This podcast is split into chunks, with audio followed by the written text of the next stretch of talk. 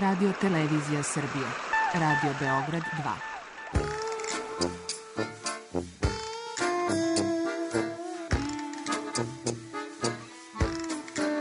2. Rekli su mi, gospodine, vi ste propanšili temu. Pa ja sam onda promašio život. I ne znam šta će da bude sam. Kaže, ja ne mogu više te čuvam. Šta da ti radi, kaže. Snađi se kako znaš. Thank Mi smo kao u kafesu. Za nas to je najmrtvo. To je mrtvo za nas, naročito. Ja bih želela neko da me usvoji. Da bih želela. Govori da bih te video. Program dokumentarnog zvuka.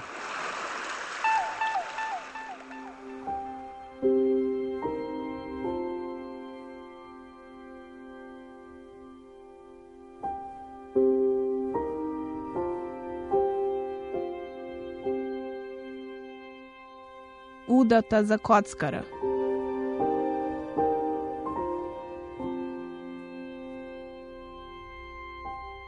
Sve je ukazivalo da on savršen partner, da je porodično orijentisan, da je vredan, radan, I zaista ni u jednom momentu se nije moglo primetiti da se on libi bilo kakvog posla na, a, bio je veoma pouzdana osoba na koju sam mogla da se oslonim. Na početku naše veze ja sam imala operaciju koja je mene sprečila da radim par meseci, tako da sam ja recimo baš tada imala i finansijsku krizu koju ja nisam primetila zahvaljujući i njemu. Znači, a bili smo momak i devojka. A, pomagao je i šta treba i šta ne treba. Ni u jednom momentu se nije moglo a, naslutiti a, da je on nepouzdana osoba, nerealna osoba, zato što ljudi koji odu u zavisnost nemaju baš neki kontakt sa realnošću ili su pak slabi da prihvate realnost pa na taj način beže, niti je imao neke uh, nerealne ambicije, ono, kao ja bi Ferrari, ja bi vilu na Senjaku i ostalo.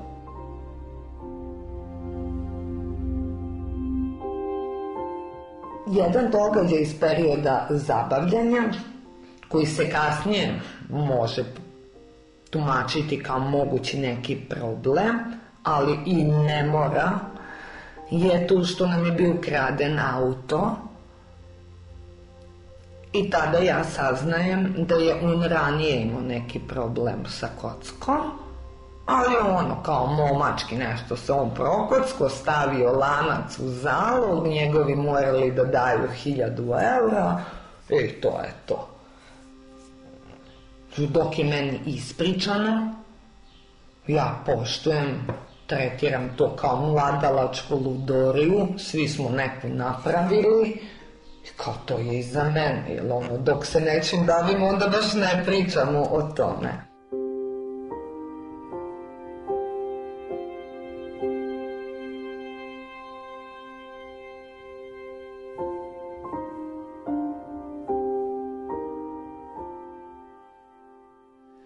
njegov posao je specifičan, jer ne radi u firmi, nema radno vreme, nema fiksnu platu, koliko ti kaže da je zaradio, toliko je zaradio.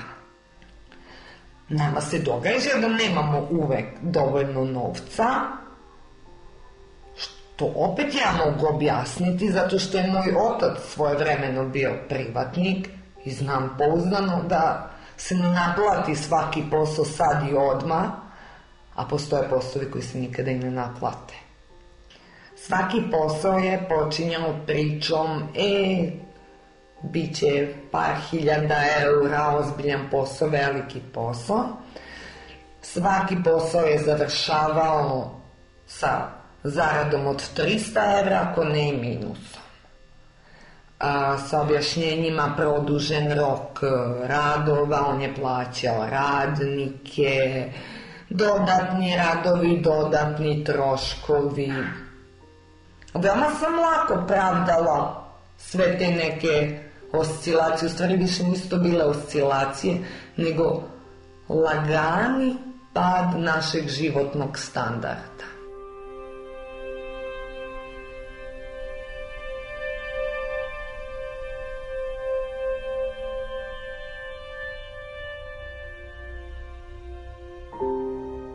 Par dana nakon detetovog prvog rođendana sve počinje.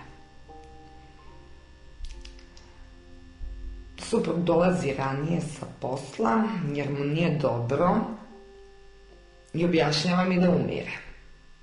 U tom momentu on plače, očajan je i uplašen. I od svega samo tvrdi da umire. A ja normalnom pričom pokušavam da dođem do informacije kako. I po svoj logici meni samo bolesti prolaze kroz glavu, jer ne znam od čega drugo možeš da umreš, ako te vidim kako sediš na kauču. Da li je neka zarazna bolest, da li Kako znaš da umireš ako nisi otišao do lekara? Ne mogu da povežem preklinjem ga. Ja sam u tom momentu jako uplašena. E, iz ove perspektive imam osjećaj da je taj razgovor trajao nekoliko sati. Ili je to bio toliki stres da imam osjećaj da je trajao nekoliko sati.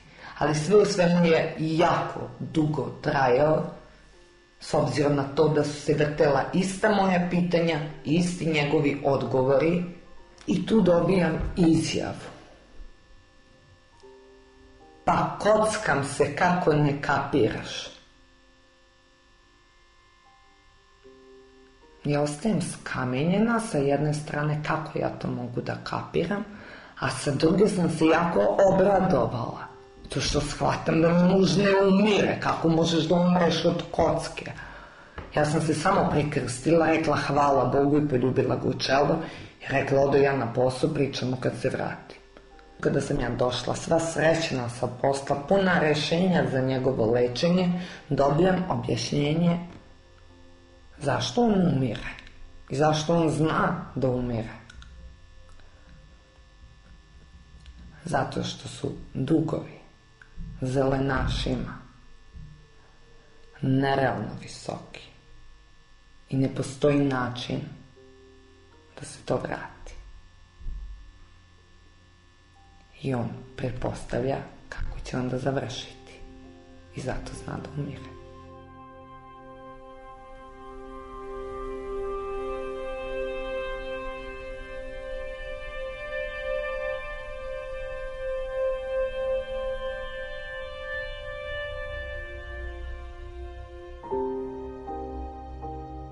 celoj toj priči koja nastupa narednih godinu, dve, jedino što znam da sam pametno radila, što sam uspela da zaštitim financije moje porodice, moje majke, tetke, brata, svih ljudi od kojih je on očekivao da ja tražim, zajmim. Ja sam sa jedne strane imala objašnjenje, da ja nemam nameru nikome da kažem koji problem postoji, štiteći naš brak. Jel to će proći jednog dana, vratit će se dugovi, ti ćeš se izlečiti, ali ja svakako od svoje familije neću imati podršku da budem u braku s nekim koji je kockar on je izbegavao da kaže svojima, ali pošto je shvatio da nema rešenja, on uključuje svoje roditelje u priču. Oni su pozajmili od komšija, kumova, rođaka, prijatelja, podigli kredite, svi svašta su radili. Dugovi su se vratili, Krenulo se na lečenje u državnu ustanovu.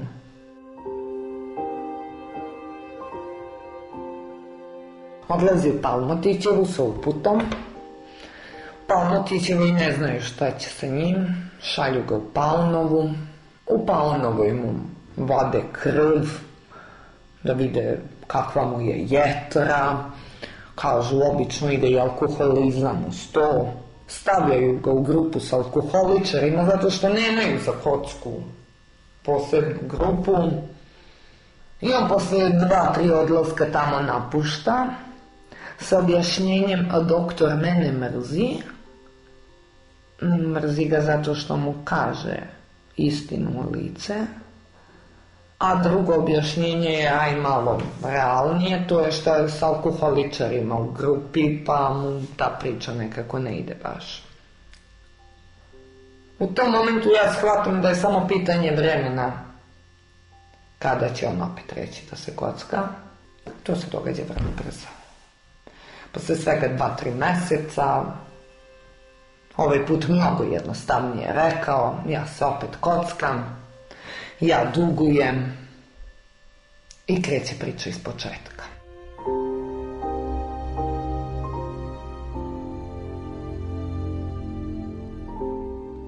Tokom tog perioda našeg života sa kockom bilo je raznih ružnih stvari koje samo potvrđuju koliko je to opasna i jaka zavisnost da je čovek spreman da gubi sve. Konkretno, jedan događaj, odlazi on da se vidi sa kumom na kafi, ja verovatno već istraumirana od svega, sumnja. Pa ga zovem telefon. On se ne javlja. Posle pet minuta zove. Čujem da je napolju govori. Pa sa njim sam na kafi, tu i tu smo u tom kafiću. Okej. Ja sam primetila da ona često da kada ga zovem ne javi mi se, ali posle par minuta mi se javi i uvek u pozadini čujem da je na polju. Tako da mi je to dalo sumlju u tom momentu da je on eventualno u kockarnici, ne javi se tada, nego izađe napolje pa mi se javi što u jednoj od epizoda lečenja on je meni tačno pokazao na kojim je mestima. To je mesto 200 metara od kuće. To nije kockarnica.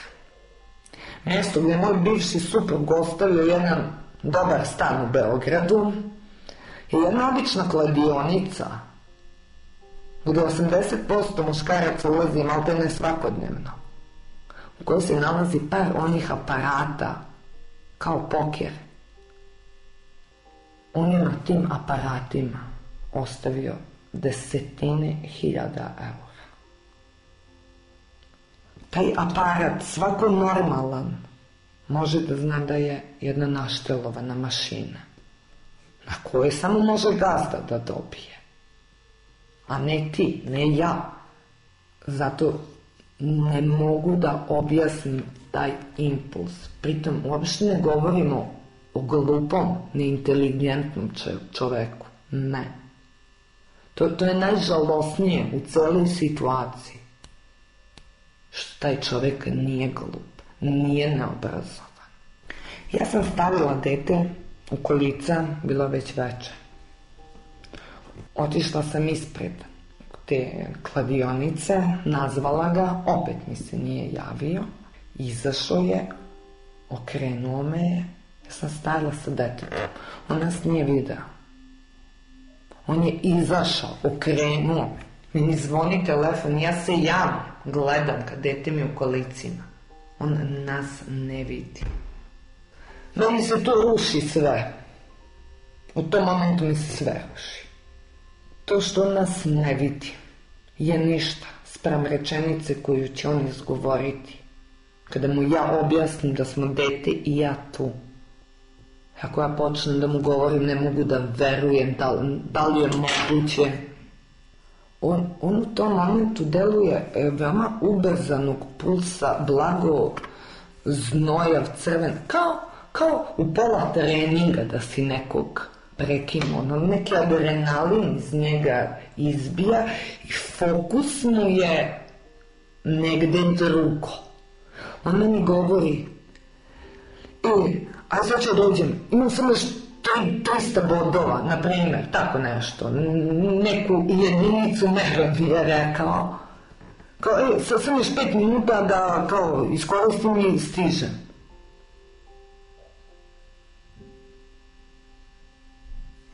To kao da mi je rekao, ok, volim vas, bitni ste mi, ali moj aparat je moj aparat. Tada mi je bilo jasno da tu pomoći nema. Da je samo pitanje vremena kada ću ja smoći snage da bežim iz toga.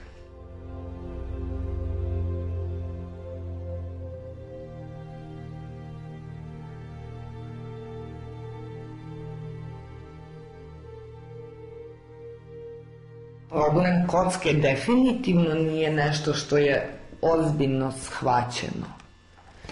Jer su to, tipa mog suproga, vaspitani, kulturni, obrazovani, neagresivni ljudi, vredni, radni, funkcionalni. U jednom momentu našeg razgovora si me pitala pa kada je on to radio? Radio kada ode ujutro na pijacu. Subotom on ustane i kao divan vredan muž odlazi na pijacu da bi se ja izležavala. I svrati u ustanovu koja se zove kladionica, sedne za poker aparat i potroši nekoliko stotina ili nekoliko hiljada eura. Zato što ti je za to dovoljno 5 minuta. Ti nemaš šta tu duže od pola sata da radiš. Nemaš ti tolke pare.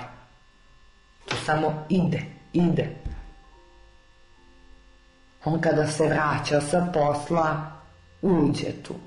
On kada izađe sa posla na kafu, ne popije u kafiću, nego tu popije.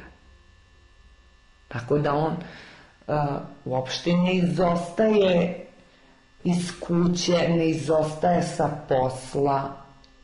Zanimljivo mi je bilo u nekim periodima njegovog lečenja kada mi je otvoreno govorio o nekim stvarima, šta misli, kako se osjeća.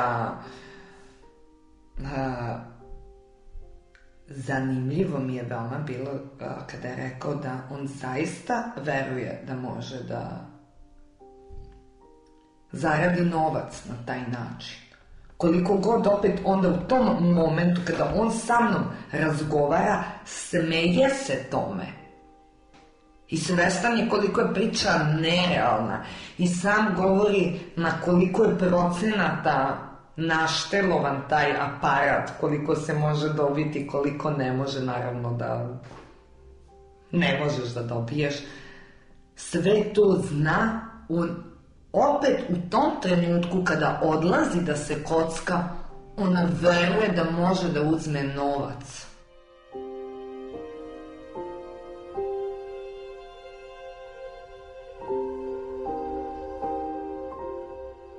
Bilo je događaja kada nemamo da jedemo. Ali stvarno nemamo da jedemo.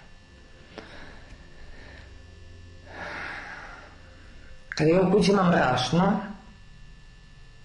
i zamislim testo, ali nemam kvasac. Znači zamislim brašno i vodu. I to ispeče. To ispadne nešto što se može zvati hleb, ali... Moje dete u tom momentu još nema zube, njemu je veoma teško da žvaće taj hleb bez kvasca. E, to su momenti kada meni srce puca. I kada ja izgovaram Moje dete gladno biti više ne sme. Nikada.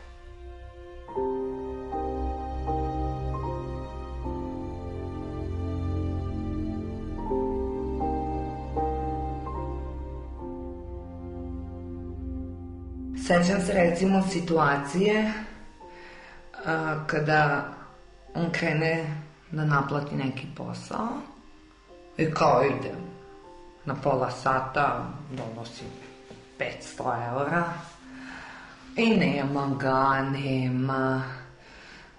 Da, zanimljivo je već kada dođeš u tu situaciju da znaš tačno šta će, se biti, šta će biti, ono već je viđeno. Nazoveš ga, ne javlja se. Ok, već znaš da će biti neka izmišljena priča, da se nešto dogodilo. Prosto sednem, skuvam kafu i čekam da vidim sa kojim scenarijom će doći. I dolazi kao nešto ćopa, krivi se, crveni se, nešto pokušava da plače. A, I navodno su ga napali, prebili i uzeli mu pare a, to je smešno. Žalosno je kada dok to gledaš i slušaš tebi je smešno, znaš da nema veze sa istinom. No mi pokazuje kao razbijen sat, a ja snimim da je stavlja neki krš sat da je on iz kuće izašao već sa namerom kako će se vratiti, isplanirati. Nije ostao mi je naručio onaj fin sat što sam mu ja kupila, nego stavio neki bez veze kao razbio ga i kao nekoga je prebio i to. To je samo jedan od primera takvog ulaganja. Ja sada to, to totalno govorim bez emocija, zato što sam ja u tom periodu oguglala na te priče. Meni je to postalo normalno da on dođe sa nekom tako šupljom, praznom pričom za koju i on i ja znamo dok je on izgovara da je laž i tako kao okej. Okay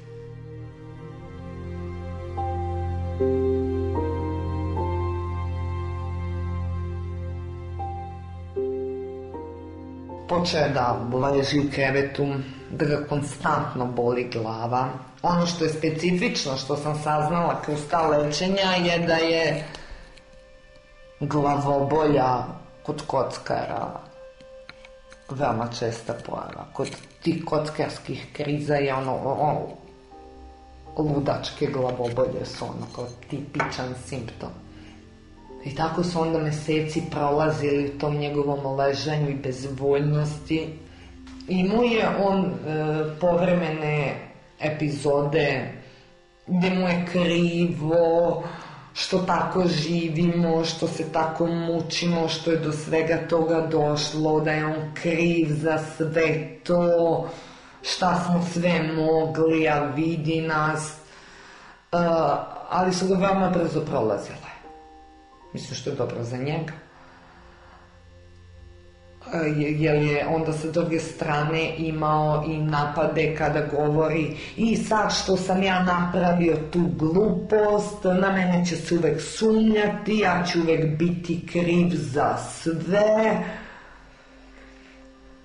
Tako da se on tu negdje nije izbalansirao između osjećaja krivice i potrebe da se brani. Čak mislim da nije ni dan danas.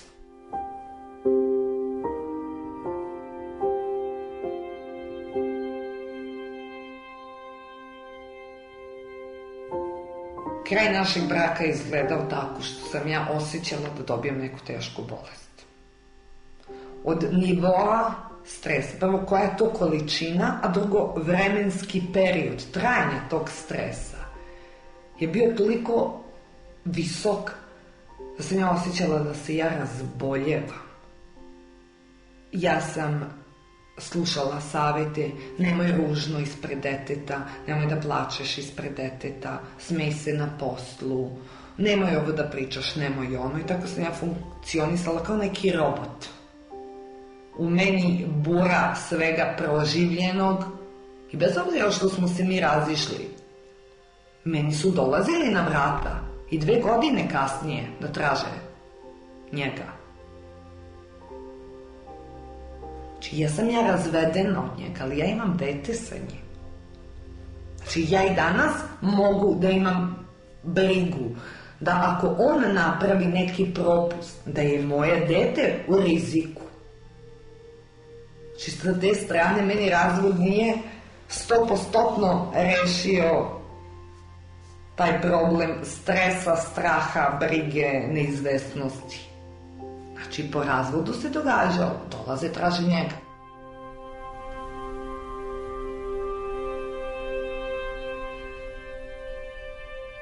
Moment kada vidiš zelenaša,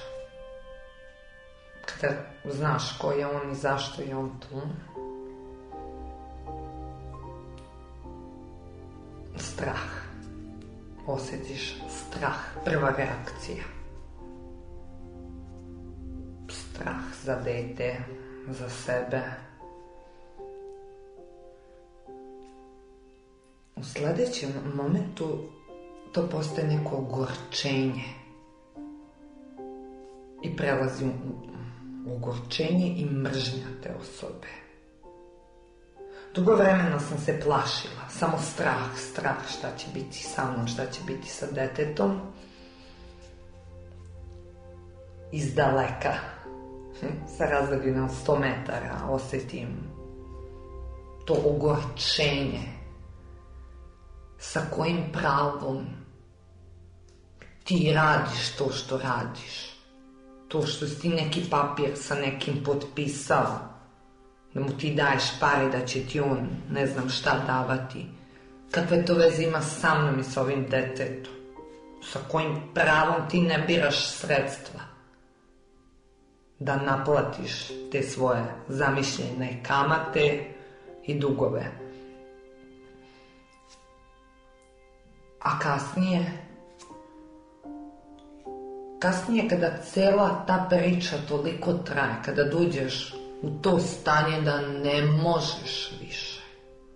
Ne, ne možeš, više ne možeš ni da se plašiš, ni da se brineš, ne, nemaš snage ni za to. E, budi se mržnja i budi se arogancija. Baš imaš onaj stav šta je šta hoćeš. Ne zato što si hrabar, nego zato što više nemaš snage da se plašiš.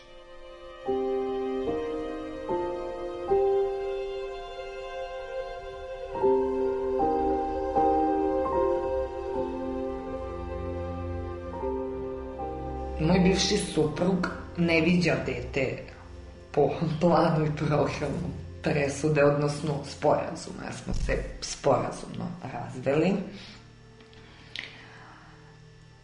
ja praktikujem da uvek dozvole. Njihovo viđanje je otac je otac. Kakav god da je. Pretom ne mislim da on loš prema njemu. Ali taj moment bezbednosti mog deteta kada je sa njim postoji. Ali, opet trudim se da imam dovoljno poverenja u bivšeg supruga da smatram da on kada zna da je sposoban, odnosno da je njemu sve u redu, da on tada uzima dete. A da ako je on možda u nekom riziku, lošem stanju, da ga on ni ne uzme tada.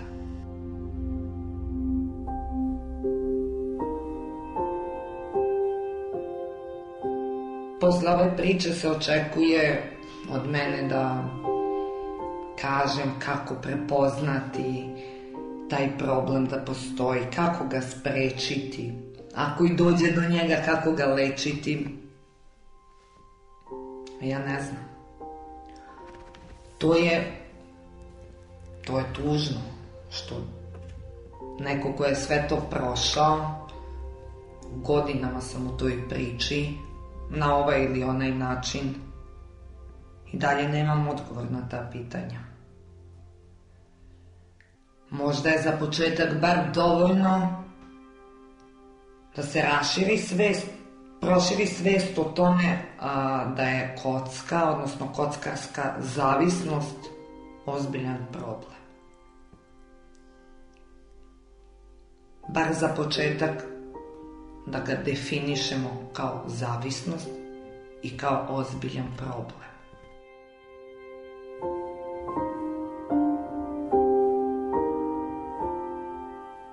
Slušali ste dokumentarnu reportažu Udata za kockara, koju su realizovali dizajner zvuka Ognjen Škrbović i autor Milena Radić.